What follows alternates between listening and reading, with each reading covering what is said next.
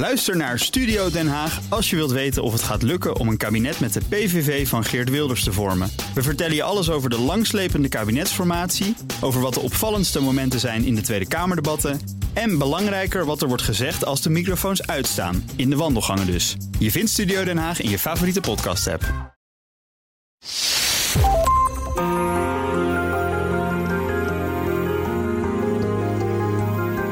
Je luistert naar De Stratege, een podcast van BNR in samenwerking met het Den Haag Centrum voor Strategische Studies. Mijn naam is Paul van Liemt. De Stratege is even met vakantie en daarom blikken we nog één keer terug op de tweede helft van dit seizoen. Het Oekraïense volk en het leger worden gedreven door legendes. Die geven de Oekraïners de strijdlust om door te gaan. Misschien is dat wel de reden waardoor ze het nu anderhalf jaar volhouden tegen de Russen. De vraag is of de Russen dit op dezelfde manier doen en of er misschien nog wel meer kansen liggen op het gebied van een informatieoorlog. Dat besprak ik op 29 januari 2023 met Sofia Romanski, dus onderzoeker bij Den Haag Centrum voor Strategische Studies.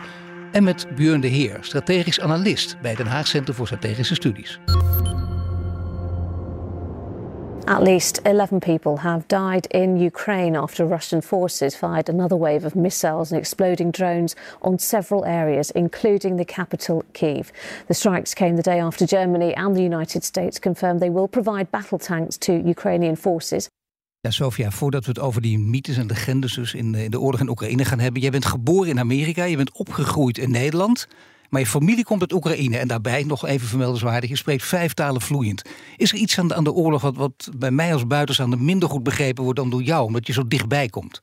Als iemand die in Nederland is opgegroeid, maar met bijna al mijn familie in Oekraïne en Oekraïnse televisie en cultuur altijd thuis, voelde ik me aan het begin van de oorlog altijd gesplitst tussen twee werelden. Door de oorlog werd de Oekraïnse kant van mijn identiteit veel duidelijker, maar het werd ook niet makkelijker om het te begrijpen en in mijn leven in te zetten. Het was moeilijk om altijd uit te leggen waarom ik verdrietig was en steeds de vraag te antwoorden: wat zijn eigenlijk de verschillen tussen Oekraïens en Russisch? Is het niet dezelfde taal? Dus, maar door mijn werk heb ik een plek gevonden waar ik nuttig ben. En in het Oekraïense perspectief vertalen en eigenlijk de Oekraïense perspectief vertalen naar een duidelijke Nederlandse perspectief. Dat is waar ik mijn plek heb gevonden. Nee, natuurlijk. En dat is ook zeker, denk ik, ook, eh, laten zeggen, inhoudelijk en analytisch jouw achtergrond. Maar de menselijke vraag speelt ook op. En die kun je meteen vertalen ook naar hoe je naar, naar de informatie kijkt. Het kan zijn, en dat is niet arrogant als je het zegt. Ik, hoop zelfs, ik heb zelfs graag dat je dat probeert. Uh, je, je kunt in de informatie denken, wacht even, ik merk dat jullie één ding missen. Er is iets, of misschien wel twee of drie dingen die, die ik met mijn achtergrond gewoon beter begrijp. En die voor jullie misschien het lastig te begrijpen zijn. Wat, wat, waar denk je dan aan? Ja, als er één ding is, is dat de moede van Oekraïne. Dus de strijd om alles terug te vechten. Dat Oekraïne één land weer moet worden. Zoals de grenzen waren in 1991. Dus dat tot dat moment in, voor Oekraïners is geraakt, gaat de oorlog door. Dat is wel een belangrijke natuurlijk. En dat is precies, eh, ik zou bijna een les die, die heel vaak herhaald mag worden. Want we proberen natuurlijk heel goed begrip te krijgen, Björn. Als jij dit verhaal hoort van, van Sofia, wat denk je dan? Hoe kijk jij daarnaar?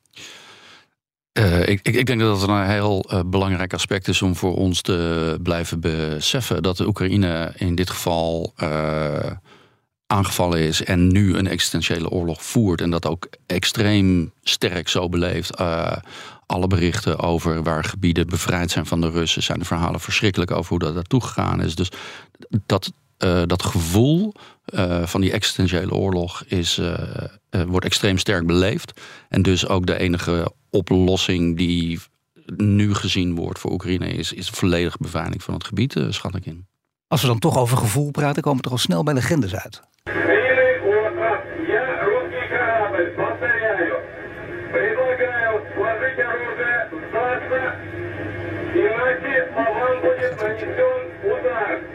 Как поняли меня? Прием!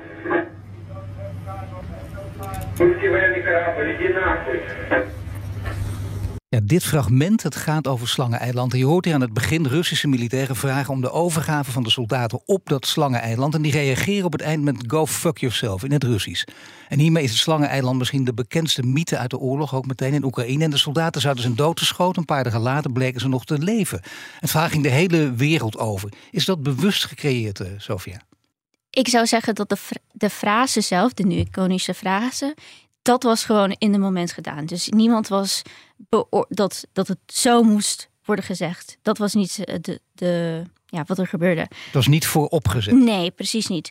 Maar wat er daarna gebeurde, dat er zoveel op social media werd gezet, dat ook de Oekraïense regering en specifiek de ministerie van Defensie ook deze frase meenam, dat was belangrijk. Dat ze op deze moment zo reageerden en, en beseften dat het zo'n grote invloed zou kunnen hebben. En dat dit een verhaal moest worden. Een, nou, laten we zeggen in, in moderne mediataal. Het is bijna een, eh, een overtreffende trap van storytelling. Maar dit verhaal vasthouden omdat het indruk maakt. Nou, een ander verhaal gaat over het spook van Kiev. En even in herinnering roepen, wat is het ook alweer precies? Ja, dus de spook van Kiev was ook een legende geworden. Dat was in de eerste paar weken van de Russische invasie, waar er een Oekraïense piloot die ergens van zes tot in sommige casussen ook 40 Russische vliegtuigen had neergeschoten boven Kiev.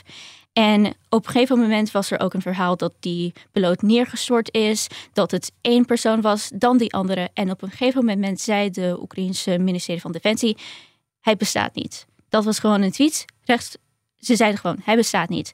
Maar de reactie van de Oekraïners was meestal wij willen geloven. Maakt niet uit of het een verhaal is. Voor ons heeft het nog steeds waarde dat het ons een toekomst laat zien waar wij kunnen winnen. Omdat we geloven dat Oekraïne zo soort deze soort mensen eigenlijk echt heeft. Ja, er zijn nog meer van dit soort verhalen ook, maar dit zijn wel twee, denk ik, echt in het oog springende voorbeelden.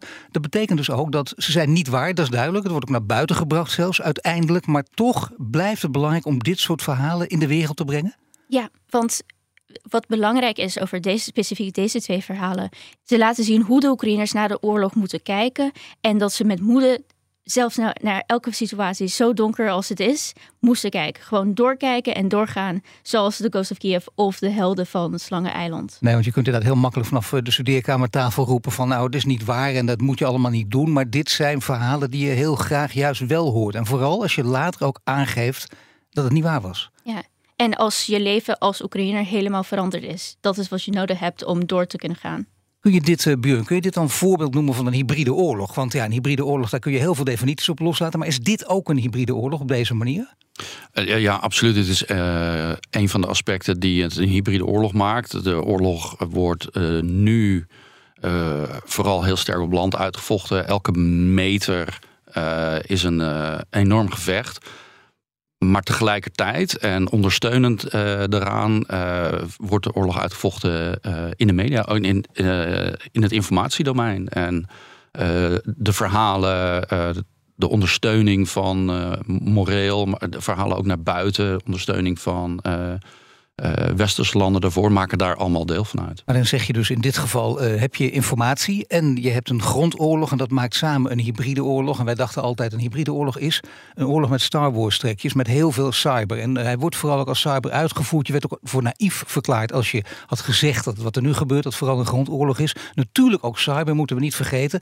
Maar moet je dat cyber er nu nadrukkelijk bij betrekken of niet? Is, is een hybride oorlog, uh, ja misschien valt die wel in drie uiteen zelfs deze oorlog. Nou wel, wel meer. maar cyber is uh, het digitale is uh, absoluut een, uh, een onderdeel hiervan. het informatie is, oorlog is eigenlijk de oorlog om de boodschap. De, het geloven van de boodschap, het verdringen van de boodschap van de tegenstander met je eigen boodschap. en het digitale is daar ook weer een onderdeel van. Nou, je moet namelijk wel in het digitale domein in staat zijn om jouw boodschap over te brengen. Dus het vehikel uh, en de boodschap zijn allebei aspecten uh, van de hybride van het hybride karakter van de oorlog. Ja, maar wat ik nou zo interessant vind is dat uh, Sofia zegt dan... het is heel belangrijk dit en het geeft een morele, morele boost. Dat kunnen we allemaal begrijpen. Maar daarbij ook, je moet op een gegeven moment ook vertellen dat het niet waar is. Ja, eerlijk zijn, open zijn, transparantie... zeker in het kader van Oekraïne is, is denk ik enorm belangrijk zij hebben heel veel steun nodig. Uh, en ze moeten dus ook laten zien dat zij de morele high ground blijven uh, behouden in die zin. Dus openheid en eerlijkheid is, is enorm belangrijk. Maar, maar je ziet ook dat het, in, zeker in het geval van de Ghost of Kiev... dat het, uh, dat het verhaal, dat de mythe en het effect daarvan uiteindelijk belangrijker is... of dat nou precies die ene piloot is geweest Het gaat om het type van, van de heldhaftige piloot. Die zelfs op dat moment, uh, terwijl hij echt alles is voorbij... en dan toch nog een heldhaftige daad verricht. Maar er zijn meer gebeurtenissen. Een van jou nog eentje voorleggen, Sofie. Jij, want uh, bijvoorbeeld de Oekraïne zijn ze... sommigen zijn echt ook uitgebuit voor eigen gewin. Zoals het zinken van het schip de Moskva. En kun je daar iets over vertellen? Want dat is denk ik ook alweer een belangrijke. Ja, dus daar is de situatie heel, heel, interessant, omdat je zo duidelijk kan zien de verschillende narratieven van de Oekraïnse en van de Russische zijde. Aan de ene kant heb je Oekraïne die meteen zei dat waren onze raketten, de Neptunes, die de Moskwa hebben neergeschoten en het is daarom ook gezonken. Maar aan de Russische kant zie je meteen een antwoord. Nee, dat er, was een storm eerst, daar was er ook een uitbarsting in de ammunitiekamer en we hadden het gewoon niet gered. Maar je ziet ook dat zelfs als Rusland aan de ene kant deze verhaal doortrekt, dat hun schepen en de Black Sea Fleet verder van de Oekraïnse kust afgaat. Dus ze reageren nog steeds op de Oekraïnse narratief, zelfs als ze duidelijk aangeven dat het niet waar is voor hun perspectief. Ja, dat maakt dan ook weer meteen heel veel duidelijk natuurlijk. Hè? Want dan wordt het een heel ingewikkelde brei aan verhalen die misschien door elkaar gaan lopen. Dat is natuurlijk de tegenreactie. Hoe zat het eigenlijk in de zomer met die explosies op de Krim? Te beginnen met Oekraïne. Hoe werden die gebruikt door Oekraïne? Dus dat was ook heel interessant. Specifiek in vergelijking met de Oekraïnse reactie naar de verzinking van de Moskwa. Want daar was de Oekraïnse reactie meteen duidelijk. Wij hebben dit gedaan en wij nemen.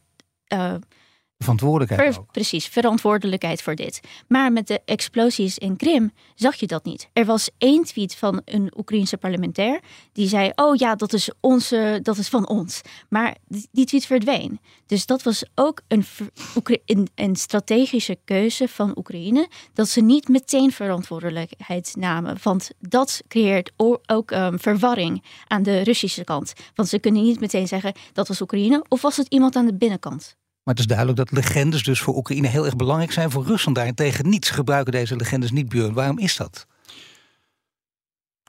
Oh, waarom dat precies is, weet ik niet. Maar, je moet ook alles weten hier gewoon. Ja, dat is het voordeel van de eh, strategie. Nou, vooruit uh, Rusland, eh, het verschil is duidelijk dat het veel, ehm, veel starder en centraler aangestuurd wordt. Er is een bepaalde lijn gekozen, de denazificatie van Oekraïne.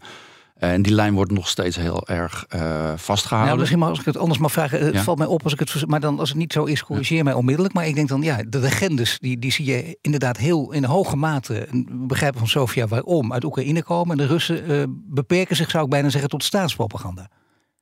Ja, um, ik, ik, zie ook even niet snel waar, welke legendes de Russen in dit geval zouden kunnen creëren. Er zijn, er zijn geen, uh, geen grote, uh, opmerkelijke uh, supersuccessen geweest. Mensen die ze eruit kunnen lichten. dat, ja, dat maakt het een stuk moeilijker. Ik denk dat een stuk vrijheid en de flexibiliteit daarin aan Russische zijde in, ontbreekt. Ja, Sofia? En als ik erbij kan zetten, voor Oekraïne, we moeten herinneren, het is een existentiële strijd. En dus daarom moeten ze echt gebruik maken van alles wat op hun weg valt om hun kant te versterken. Voor Rusland is dat niet zo. In Rusland is het makkelijker om gewoon door te gaan met de hoofdnarratief, die heel gebaseerd is op geschiedenis.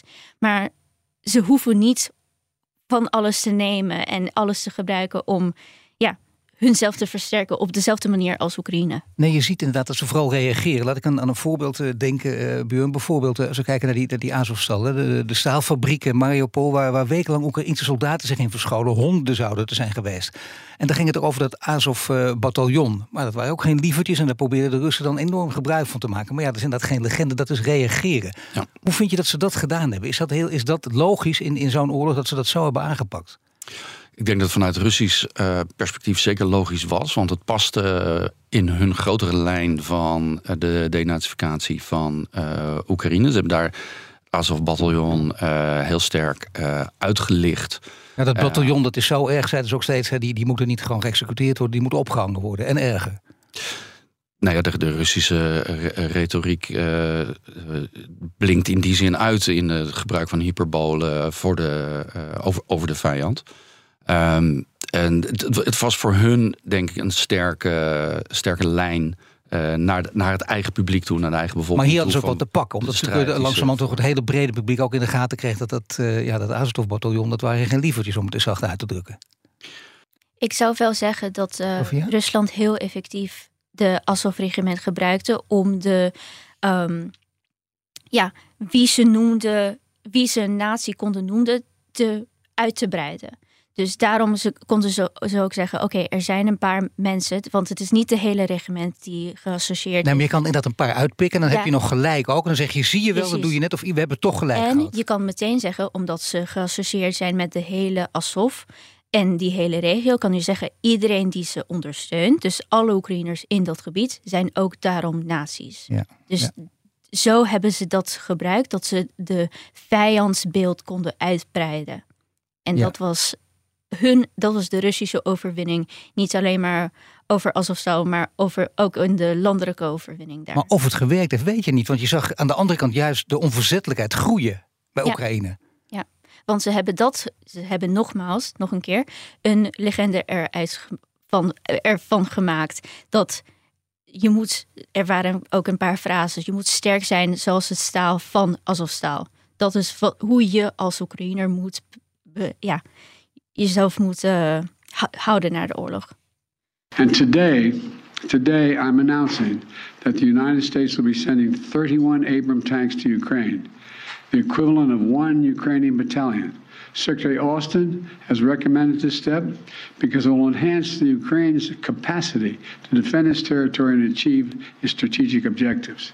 Ja, belangrijk moment ook weer. Joe Biden eh, over de, over de Abrams eh, tanks. Het Westen steunt eh, Oekraïne ook. En heel lang gekibbeld natuurlijk over die Leopard tanks. Zouden ze wel of niet over de greep gaan? Met name de Duitsers. Nou, daar kun je ook een aparte uitzending aan wijden. Waarom die Duitsers zo lang, eh, wat de reden precies is waarom de Duitsers zo lang gewacht hebben. Maar uiteindelijk zijn ze overstag gegaan. Ja, hoe zet Oekraïne informatie in om ons bij dit soort besluiten te beïnvloeden? Want zeker op het moment dat die Duitsers aan het twijfelen zijn, dan denk je, nou, nu moet je druk gaan zetten. Hoe kun je dat of hebben ze dat goed eh, het beste gedaan? Ik denk dat ze dat goed gedaan hebben door ehm, heel sterk te benadrukken hoe penibel eh, de situatie is. Aan de andere kant eh, inlichtingen over eh, en informatie over dat de Russen een nog grotere mobilisatie aan het uitvoeren en voorbereiden en uitvoeren zijn. En daarmee de noodzaak blijven, blijven benadrukken hoe ze het, het- de- aangeven hoeveel, eh, hoeveel ze nodig hebben en hoe, en hoe belangrijk het eh, aspect en het wapensysteem in het totaal van eh, de uitrusting van Oekraïne in die zin dat. Zelensky daar voortdurend mee bezig is natuurlijk. Ook omdat het logisch is dat je op een gegeven moment denkt... eh, mensen worden moe en dat kan de tactiek van de andere kant zijn. Dan zie je wel en nu houden ze op en maar doorgaan en doorgaan. Daarom ook Nederland weer onder druk zetten. Doen alsof er iets al, eh, een besluit al genomen is, terwijl het nog niet zo was. Voel je dat verstandig en begrijpelijk? Of zeg je, dat had hij beter niet kunnen doen? Dat is denk ik onderdeel van het spel, om het een beetje cru te noemen, maar van continu manieren vinden om de steun te, steun te verzekeren en daarbij eh, links en rechts eh, druk eh, verhogen door, door, door via de- deze manieren te proberen om te kijken of je, of je de druk net zo groot kan maken dat een, een besluit dat misschien in voorbereiding is, een laatste duwtje krijgt. Maar je ziet heel veel experts hier dan ook enigszins over in verwarring. En natuurlijk, heel veel experts mogen allemaal andere meningen hebben. Ook, ook al baseren ze zich misschien van deels op dezelfde feiten. Maar dan nog zie je dat ze hier wel over van mening verschillen. Wat moet Zelensky dan doen? Want eh, als hij druk gaat zetten en, en doet alsof er al een beslissing genomen is die nog niet genomen is. Ja, dan kan het ook weer afbreuk doen aan, aan, ja, aan hoe, hoe we tegen hem aankijken. Ja, ik denk dat dat voor Zelensky eh, een, een, heel, een heel moeilijke balans en eh, bijna koorddansen is om elke keer te vinden hoe- hoeveel druk moet ik nu wel net niet zitten, hoeveel druk, eh, of wanneer moet ik de druk even ietsje laten lopen om iemand een moment te gunnen om eh, zelf even te overwegen of ze het besluit wel of niet gaan nemen. Dat is een ongelooflijk moeilijk spel. Hij maakt wel Eh, voortdurend duidelijk dat je ja. dus die steun nodig hebt. Dat je ook veel tanks nodig hebt. En die worden dan overal een beetje bij elkaar opgeteld. En al die NAVO-landen bij elkaar. Dan kom je in ieder geval op, eh, laten we zeggen, een grens van 100 tanks. Die heb je nodig. Dan is het een gamechanger. Eh, ik weet niet of die berekening klopt. Die koffie die zomaar even kan maken. Typische bierveeltje achterop. dan maak je deze berekening. Maar klopt die ongeveer, denk je? Het, is wel, eh, het is wel een soort van kritische ondergrens. Met eh 90 tot 100 tanks kun je eh, zeker twee bataljons en, en daarmee een, een, brigade helemaal uitrusten. En of je die gebruikt voor de verdediging of de aanval, kan allebei. Ehm, maar daarmee creëer je wel een bepaalde kritische massa. Kijk, alleen maar 10 tanks is een druppel op de groeiende plaat in die zin. Je moet, je moet hem wel een bepaalde kritische massa kunnen creëren. Uh, wil je ergens kunnen of doorstoten of een verdediging echt zo in kunnen richten dat je een aanval kunt stoppen. en je probeert ondertussen die drive gaande te houden vanuit uh, Oekraïne-oogpunt bekeken. Ze beïnvloeden ons dus met propaganda door deze legendes. Vind je dat Oekraïne dat op een hele goede, stevige manier doet en moet blijven doen? Om door die legendes in te zetten ook, uh, laten we zeggen, het vuur brandend te houden? De vraag over propaganda ga ik even naar Bjorn geven. Maar eerst wil ik zeggen over de legendes die we hebben al gezien. De soort legendes van de Slangeneiland en de Ghost of Kiev zie je eigenlijk minder. Je ziet nu meer legendes die wel gefocust zijn op echte mensen. Echte mensen die iets hebben gedaan. In het spotlight zeggen één soldaat of één dame die met, een, uh, met, met iets een drone had neergegooid. Dus daar focuseert Oekraïne meer op, want dat kan je meer voelen als persoon. Je kan voorstellen dat jij ook een held kan worden. Maar aan de andere kant zie je ook gouden draden over steden en dorpen die meevechten. De land vecht mee in Oekraïne, is de Oekraïnse narratief.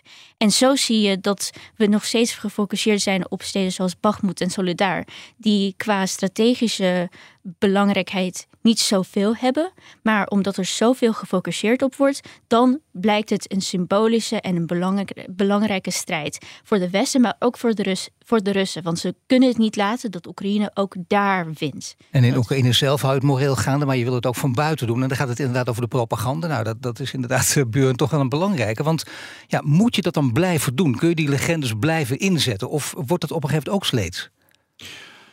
Het risico dat er iets sleets wordt, is er altijd. Uh, maar ik denk dat Oekraïne dat uh, heel kundig uh, die sleetsheid weet te pareren. maar ze zullen, ze zullen het voort moeten blijven zetten. Anders vergeten we het. Dan, dan wordt het verhaal overgenomen door problemen van alle dag. dus ze moeten, en dat doen ze uitstekend telkens opnieuw de aandacht uh, weten te pakken. Ehm, heel goed met uh, de, de human interest uh, invalshoek. Het, het, het heel tastbaar maken van waar het om gaat. Nou ja, waar ze echt tastbaar maken waar het om gaat, is als er gesproken wordt over dat nieuwe Russisch offensief in het voorjaar. We weten niet zeker of het gaat gebeuren, in welke vorm ook. Maar is het goed dat Oekraïne die angst gebruikt om het Westen te overtuigen van nog meer tanks, nog meer zwaardere wapens? Ja, ik, ik denk dat dat, uh, dat vooruitzicht. Uh, het, het, is uh, angst. Het is, gewoon een waarschuwing. We moeten niet vergeten dat Rusland laat zien op dit moment. het afgelopen jaar dat ze echt in staat zijn om te leren, om hun, hun methodes, om hun tactieken aan te passen. en, en dus een volgende actie van Rusland zal er komen. Ehm, hoe we en precies weten, weten we natuurlijk voor, vooraf, uh, vooraf niet. Maar we weten wel iets natuurlijk. En Poetin zegt dat de Donbass in maart veroverd moet zijn. Dus ja. dat, dat, is al tamelijk dichtbij. En, en maar ja. is, is dat dan weer aannemelijk? We weten niks. Dat kunnen we nooit met 100% zekerheid zeggen. Maar is dit vrij logisch dan of niet? Uh, vanuit zijn optiek ja. ongetwijfeld. Want hij heeft, voelt ongetwijfeld ook een druk om successen te kunnen blijven claimen. Um, voordat uh, de Oekraïne weer een move maakt uh, en, een, en een succes creëert, uh, wat zijn positie verzwakt. Ja, dat betekent dus natuurlijk wel dat je dit serieus moet nemen. Dat sowieso natuurlijk. Maar ja, als Poetin dit zegt, dat betekent ook dat aan de andere kant uh, Oekraïne kan zeggen: zie je wel, uh, hij dreigt, dus we hebben jullie wapens echt nodig. Alsjeblieft, blijf leveren en schiet op met die tanks. Want uh, dat is ook het verhaal. Je, dat, overal worden verschillende tijden aangegeven, Björn, maar hoe zit het nou precies? Zes of acht weken? Je kunt ze niet zomaar besturen. Stel dat jij het zou kunnen, dan, kan, dan, moet je toch even tenminste een, cursus van zes weken. En dan nog. Nee, nee, dat. dat, dat een tank neerzetten en dan zeggen van nou, hier is hij, succes ga, ga ermee aan de slag. Dat, uh, dat werkt niet. Hetzelfde als uh, leren autorijden is een proces dat uh, kost voordat je voldoende muscle memory en kundigheid op je, op je voertuig hebt opgebouwd.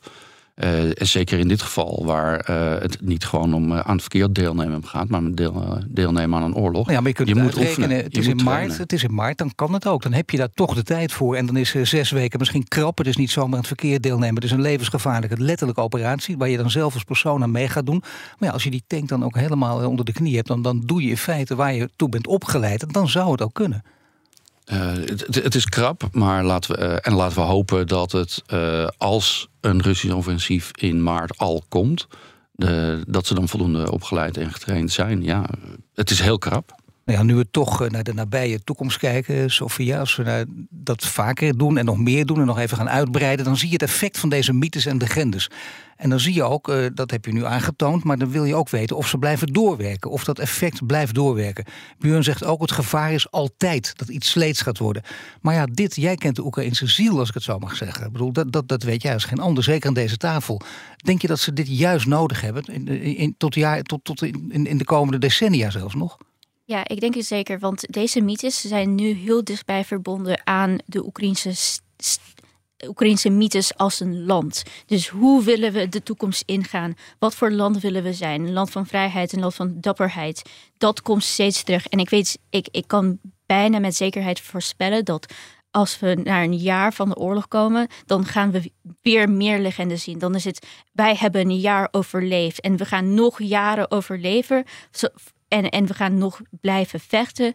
Uh, en om alles terug te nemen wat van ons is als land. Dus ik, ik ben bijna zeker dat deze legendes blijven terugkomen. Want dat is ook een cultureel aspect van Oekraïne. Eh, in mijn, in mijn project heb ik een vergelijking gedaan tussen Rusland en Oekraïne. En Oekraïne was altijd een land van verhalen. En, dat, en, en een land van verhalen in de sens dat zo kreeg je te weten wat het betekende om Oekraïner te zijn. Niet iemand die het bij de Sovjet-Unie hoorde of een Rus die ja, misschien een Rus was. Nee, wat betekent het om echt Oekraïner te zijn? En dat is waar de mythes steeds terugkomen. En dat is zo essentieel. Dat is wel mooi dat je dit ook zegt. Het is niet van dat we denken, nou laten we ook eens een andere invalshoek bekijken. Het is gewoon de belangrijkste invalshoek. Dit is de motor die die inderdaad Oekraïne gaande houdt. Dus dat betekent, dat kun je zeggen, als die oorlog nog heel lang gaat duren, dan zullen die legendes ook voort blijven bestaan. En er komen er nieuwe verhalen zoals we besproken hebben. Bijvoorbeeld, komt er een nieuwe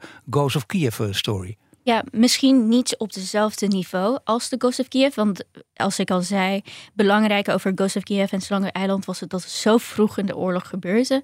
Maar we gaan steeds mensen zien die misschien een, steeds in verschillende plekken lieten zien hoe sterk Oekraïne is. Of uh, echt, ja, overtuigde, bijvoorbeeld de Westen overtuigde op een of andere manier dat ze hulp hadden, nodig hadden. En in dat soort ja, in dat soort lenzen komen mensen weer in de spotlight. Zeker. Dat betekent dus ook dat Oekraïne zich ook voorbereidt op nog een heel lange tijd van oorlog. Niet denkt dat dit zomaar voorbij is. Onderhandelingen tot nu toe duidelijk uitgesloten. Dus dat betekent, Oekraïne bereidt zich daarop voor. In de Oekraïnse narratief zijn ze bereid om te vechten zolang ze moeten vechten. Dus het is niet zo van, van een vraag, oh, oké, na een zekere periode gaan we onderhandelen. Nee, we weten wat we willen op deze moment en we gaan ervoor vechten. Ja, vanuit die wetenschap, Björn, is toch interessant hoe we daar vanuit het Westen naar moeten kijken. Want ja, hoe erg zou het zijn? Een van de mogelijkheden die voorliggen, een van de vragen als uiteindelijk eh, Oekraïne de oorlog verliest. Dus voor Oekraïne heel erg misschien, maar niet alleen voor Oekraïne, ook voor, voor het Westen. Of is, valt het wel mee? Nee, ik denk dat dat voor het Westen ook echt heel erg is. Omdat we dan uh, te maken gaan hebben met een regime dat gesterkt is in uh, zijn geloof in de aanpak van agressie. geen rekening houden met internationaal recht, et cetera, et cetera. Dus de, dat, dat is een, een enorme aanslag op de, op de internationale rechtsorde die wij uh, juist enorm koesteren en uh, belangrijk Maar Rusland stelt daar het, het, eigen verhaal tegenover. En dat betekent dus dat je niet tot elkaar komt, dat het ook zeker niet snel tot onderhandelingen zal komen, dat het hoe dan ook nog heel lang gaat duren. Ja, hoe dan ook nog een, uh, zo, lang gaat duren als dat beide partijen nodig vinden om hun gelijk te behalen. En, en laat ik daarbij heel duidelijk stellen ook dat het, het niet zomaar een narratief is, of een strijd tussen zomaar een narratief is tussen twee partijen. Rusland heeft Oekraïne aangevallen en Oekraïne verdedigt zich. Nu is het wel zo dat een aantal experts, dus in, misschien in navolging van wat jij, van wat jij nu zegt, uh, altijd het volgende meest aannemelijke scenario schetsen. Namelijk, het is een frozen conflict. Hoe dan ook, wat er ook gebeurt, we zien geen andere mogelijkheid dan dat dat het is. En dat betekent letterlijk, het is bevroren, het, hmm. er is geen uitweg. Stel je erop in dat we nog misschien wel tien jaar hiermee bezig zijn.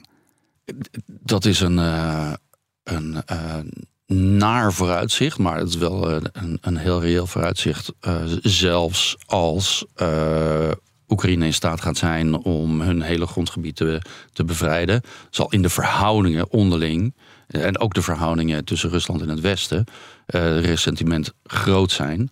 en dat zal niet zomaar terugkeren naar de situatie waarvan we dachten dat die was 10, 15 jaar geleden. Sofia. En we moeten ook beseffen, en in mijn mening vergeten we het al te vaak, dat de oorlog niet vorig jaar is begonnen. Het begon, het begon in 2014. En dus de Oekraïners waren al ervoor bereid. Ze wisten dat er een grotere oorlog zou kunnen komen. En daarom. Maar ja, toen zagen ze ook dat bijna niemand dat serieus nam. Precies. En nu nemen ze de kans dat.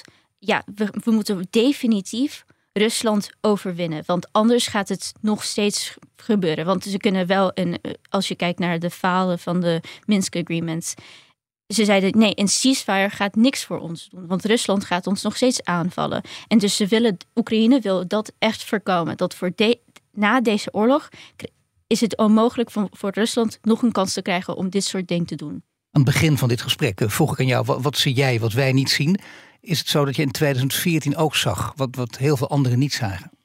Ik zou zeggen dat het meer van mijn ouders was. Ik hoorde het meer van mijn ouders. Ik was een beetje te jong om het te begrijpen. Ik had, ik had nog niet aan mijn studies begonnen. Maar jouw ouders zeiden ook al, let op. Let op, ja. En dat was ook de mening van veel mensen. Maar je kijk, mijn familie komt, komt uit Kiev en Lviv. En dat is een beetje anders dan in het oosten van Oekraïne. Want in het oosten van Oekraïne dat een oorlog is al hun leven geweest voor zoveel jaren. En ze ervaren het heel anders. Zelfs in de week voor de invasie van Rusland zeiden veel mensen in het westen en ook in het noorden van Oekraïne: nee, oké, ze kunnen het gewoon niet doen, want waarom zouden het, waarom zou Rusland dit doen? We, Oekraïners konden niet begrijpen, ja, waarom? Want nog steeds is het niet duidelijk wat Rusland er van, uitkijkt, uh, van uitkrijgt, behalve verliezen en ja, meer dood van uh, hun troepen. Dus. Ja, maar nu is het wel duidelijk dat het ook in Oekraïne duidelijk dat dit hoe dan ook nog heel lang gaat duren. Ja, dat is nu heel duidelijk. Je hoorde een aflevering van de Stratege van 29 januari 2023 met Sofia Romanski, onderzoeker bij Den Haag Centrum voor Strategische Studies, en Björn de Heer, strategisch analist bij Den Haag Centrum voor Strategische Studies. De Russische inval in Oekraïne brengt een naar, maar reëel vooruitzicht met zich mee. De kans op een frozen conflict dat nog jaren duurt is een serieuze optie. En daarbij zullen de verhoudingen tussen het Westen en Rusland ook niet verbeterd worden. Volgende week zijn we er weer met een nieuwe aflevering van De Strateeg. Wil je meer afleveringen van De Strateeg terugluisteren? Je vindt hem op Apple Podcasts en Spotify, maar ook in de BNR-app of op bnr.nl. Abonneer je meteen en tot de volgende keer.